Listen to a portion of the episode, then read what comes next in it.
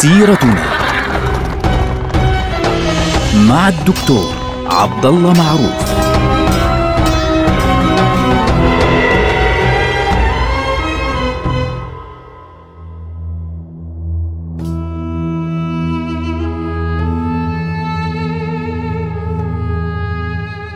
السلام عليكم ورحمة الله وبركاته. سيرتنا سيرة هذه الأمة العظيمة، ونحن الآن في عهد الدولة العثمانية وتحديدا في عهد السلطان إبراهيم الأول.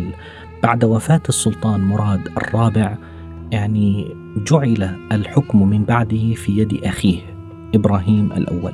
طبعا إبراهيم كان قد ولد في عام 1024 للهجرة يعني 1615 للميلاد يعني هو أصغر من آه، أخوه آه، السلطان مراد الرابع بحوالي 11 آه، سنة تقريبا وهذا الرجل إبراهيم الأول أهم حدث حصل في زمنه هو فتح جزيرة كريت.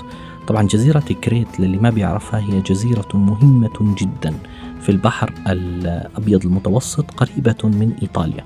هذه الجزيرة تعتبر واحدة من مفاتيح التحرك في البحر الأبيض المتوسط. لماذا؟ لأنها تقع تقريبا في وسط البحر. في وسط البحر الأبيض المتوسط فمنها يمكنك أن تنتقل إلى شمال إفريقيا بسهولة. منها يمكنك أن تنتقل شرقا باتجاه بلاد الشام وباتجاه حتى سواحل الأناضول. ومنها أيضا يمكنك أن تتجه غربا باتجاه السواحل الإيطالية ثم السواحل الإسبانية بسهولة شديدة. هذا الرجل في بداية حكمه عندما استلم الأمر من أخيه مراد الرابع. طبعا آه، كانت الأمور لسه يعني الثورات والمشاكل هدأت على يد أخيه السلطان مراد. مراد الرابع كان قويا وقمع الانكشارية قمعا شديدا.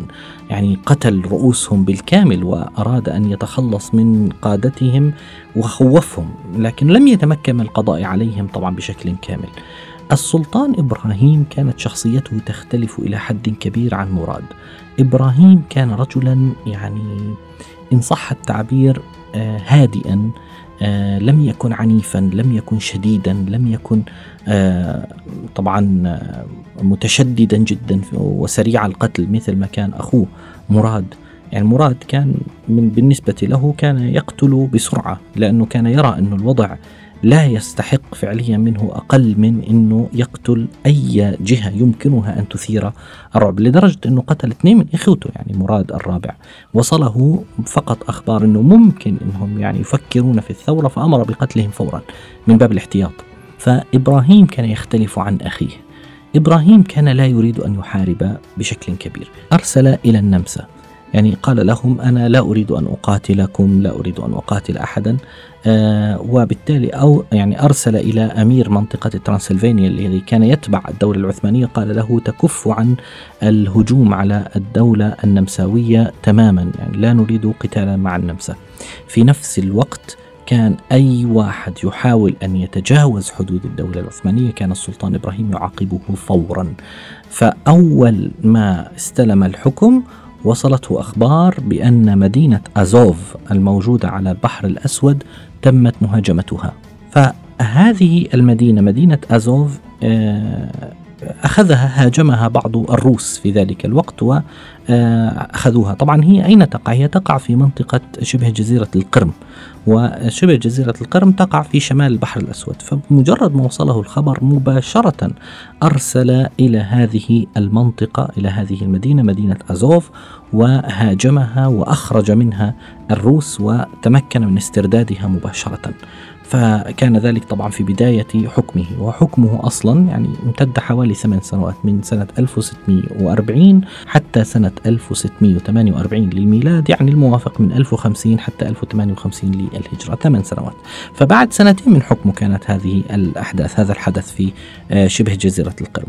مباشرة بعد أن أعاد أو استعاد مدينة أزوف بالقوة في شبه جزيرة القرم التفت إلى جزيرة كريت. جزيرة كريت فعليا كانت تتبع في ذلك الوقت آه، منطقة البندقية جمهورية البندقية. طبعا وإحنا سمعنا عن البندقية في الحلقات الماضية كثيرا. البندقية هذه يعني كان أهم شيء بالنسبة للبنادق التجار كان أهم شيء بالنسبة لهم تجارتهم. فبالتالي دخلوا في حروب ضد الدولة العثمانية وأيضا توافقوا مع الدولة العثمانية تحالفوا مع الدولة العثمانية اختلفوا مع الدولة العثمانية. كل هذا كان في سبيل مصلحتهم التجارية. في تلك المرحلة في مرحلة السلطان إبراهيم الأول وصله أن هناك رهبانا نزلوا إلى جزيرة إكريت وهؤلاء الرهبان كانوا يعتدون على بعض المسلمين. طبعا هناك قصة آه، معروفة يعني مشهورة أنه والله هناك أحد المسلمين يعني أخذ وربي مع الرهبان إلى آخره. يعني في لها كلام ونقاش طويل لكن المبدأ الذي يهمنا أنه هناك رهبان كانوا يعيشون طبعا هم جزء من رهبان أو فرسان مالطا إن صح التعبير كانوا يعيشون في جزيرة مالطا وتحركوا باتجاه جزيرة كريت. طبعا فرسان مالطا أو رهبان مالطا يعتبرون يعني من ألد أعداء الدولة العثمانية لأنه آه، هؤلاء الناس أخرجوا من جزيرة رودوس تحركوا باتجاه جزيرة كريت ثم بعد ذلك إلى جزيرة مالطا.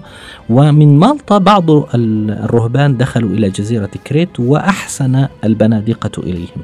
فالسلطان اعتبر أن فرسان مالطا الذين يهاجمون المسلمين ويعتبرون امتدادا الصليبيين يعني يعتبر أي تحالف معهم وقوفا ضد الدولة العثمانية. لذلك أمر السلطان آه، إبراهيم الأول بتجهيز جيش يتحرك باتجاه هذه الدولة.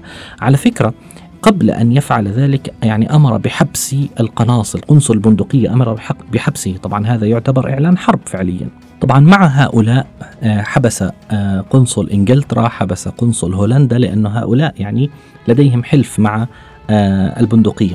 فمباشرة الصدر الأعظم قال للسلطان أن هؤلاء الرهبان يعني كلهم فرنسيون ولا يتبعون مع ذلك الحكومة الفرنسية وهؤلاء القناصل ليس لهم علاقة بالأمر. فأمر السلطان بإخلاء سبيل القناصل ثم أمر بتجهيز جيش بحري كبير باتجاه جزيرة كريت. فطبعا جزيرة كريت يمكن من خلالها أن تدخل مباشرة إلى منطقة اليونان كما قلنا سابقا يعني هي في وسط البحر الأبيض المتوسط.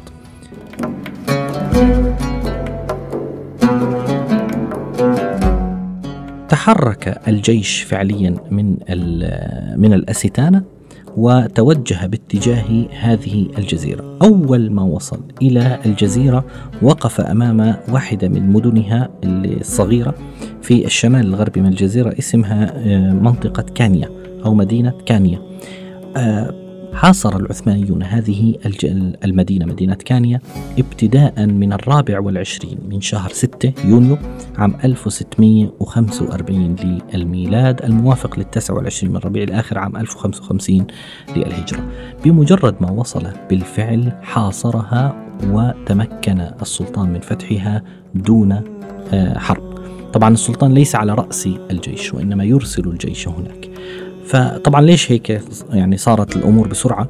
لأنه البندقية لم تتمكن من إيصال جندها إلى جزيرة كريت في ذلك الوقت، فمباشرة بدأ البنادقه يحاولون انه يستردوا هذه المدينة، يعني أحرقوا بعض المدن وبعض الثغور الخاصة بالعثمانيين و السلطان فكر يعني بالانتقام للانتقام منهم لأنهم أحرقوا هذه المناطق بمن فيها من المسلمين. فكر بأم بأن يأمر ب يعني إخراج المسيحيين أو قتلهم فوقف في وجهه المفتي. فوقف في وجهه المفتي. المفتي أسعد زادة اللي هو أبو سعيد أفندي وقف في وجهه وقال نحن لسنا مثل هؤلاء ونحن لا نقاتل ولا نقتل الناس على دينهم وإنما من يعتدي من يعتدي علينا نقاتله ومن لا يعتدي علينا لا يجوز أن نفتك به أبدا. فيعني تراجع السلطان مباشرة. يعني لاحظوا كيف لاحظوا كيف كان السلاطين العثمانيون حتى في هذه المرحلة اللي هي مرحلة ضعف يتوقف تماما عند أمر المفتي. والمفتي هنا لا يخاف في الله لومة لائم. المفتي يقول للسلطان لا يجوز انتهى الأمر لا يجوز أن تفعل ذلك. ما في شيء اسمه يعني في هذه المرحلة ما في شيء اسمه والله عالم سلطان يقول له افعل. خلاص يلا حلال. آه، لا تفعل يلا حلال مثل ما تحب أيها السلطان. أبدا السلاطين في ذلك الوقت كانوا يوقرون العلماء وكانوا يوقرون منصب الإفتاء بشكل كبير جدا. فالمفتي وقف بكل قوته ليدفع عن المسيحيين في الدولة العثمانية كاملة سواء في اليونان أو في غيرها أو في كريت أو في آه، التابعين حتى للبندقية. وقال له لا يجوز لك أن تخرج أحدا من بيته، لا يجوز لك أن تقتل أحدا، لا يجوز لك أن تفعل شيئا حتى وإن كانوا قد أحرقوا المسلمين في بعض الثغور وحتى لو كانوا قد هاجموا المسلمين وقاتلوهم البنادق أقصد. فمع ذلك نحن لا نتصرف مثلهم ونحن لا نتعامل بما يتعاملون به. ما إن حانت سنة 1646 تقريبا حتى تمكن السلطان من فتح أغلب هذه الجزيرة. و كان باقي يمكن منها تقريبا يعني في منتصفها مدينة واحدة اسمها كانديا وهذه المدينة يعني حاصرها الجيش العثماني وكاد العثمانيون أن يفتحوها لولا حصول ثورة جديدة مرة أخرى في إسطنبول. هذه الثورة ثورة للانكشارية مرة أخرى. يعني الانكشارية رجعوا بعد هيك بعد ثمان سنوات من الهدوء رجعوا مرة أخرى ليثوروا ضد السلطان. السلطان إبراهيم عندما لاحظ أن الانكشارية بدأت قوتهم تزداد مرة أخرى وبدأوا يحاولون أن يعودوا إلى ما كانوا عليه من الفوضى ومن الثورات أراد أن يهاجمهم في ليلة واحدة ويفتك بهم جميعا. كان هناك ليلة زفاف يعني يذكر أنه كان هناك حفل زفاف لبنت السلطان إبراهيم على ابن الصدر الأعظم. باعتبار أنه هذا الحفل حفل كبير جدا قرر السلطان أنه يعني يفتك بهم في هذه الليلة الموعودة. فوصلتهم الأخبار. مباشرة اجتمعوا وتآمروا واجتمعوا في مسجد يعني سمي هذا المسجد يعني سماه آه، بعض المؤرخين اللي هو أورتا جامع. ودخل معهم بعض العلماء ودخل معهم بعض المفتين وبعض الناس وهيجوا العسكر هاج الانكشارية وبدأوا يثورون في وجه السلطان وقرروا جميعا أن يعزلوه ويولوا ولده اللي هو محمد الرابع. محمد الرابع في هذه المرحلة.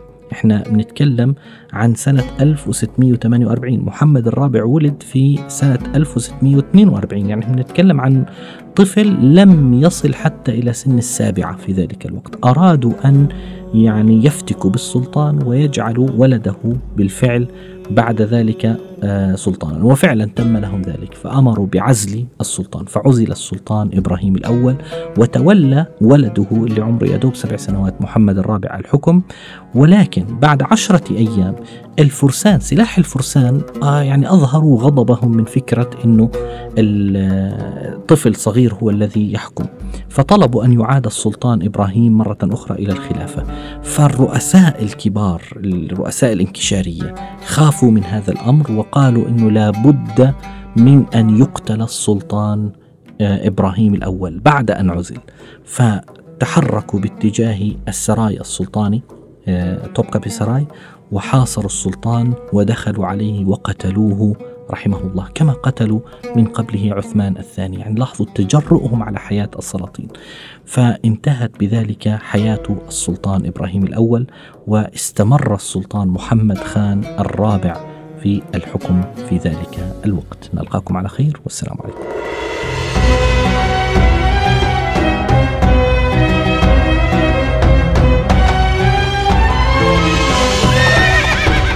سيرتنا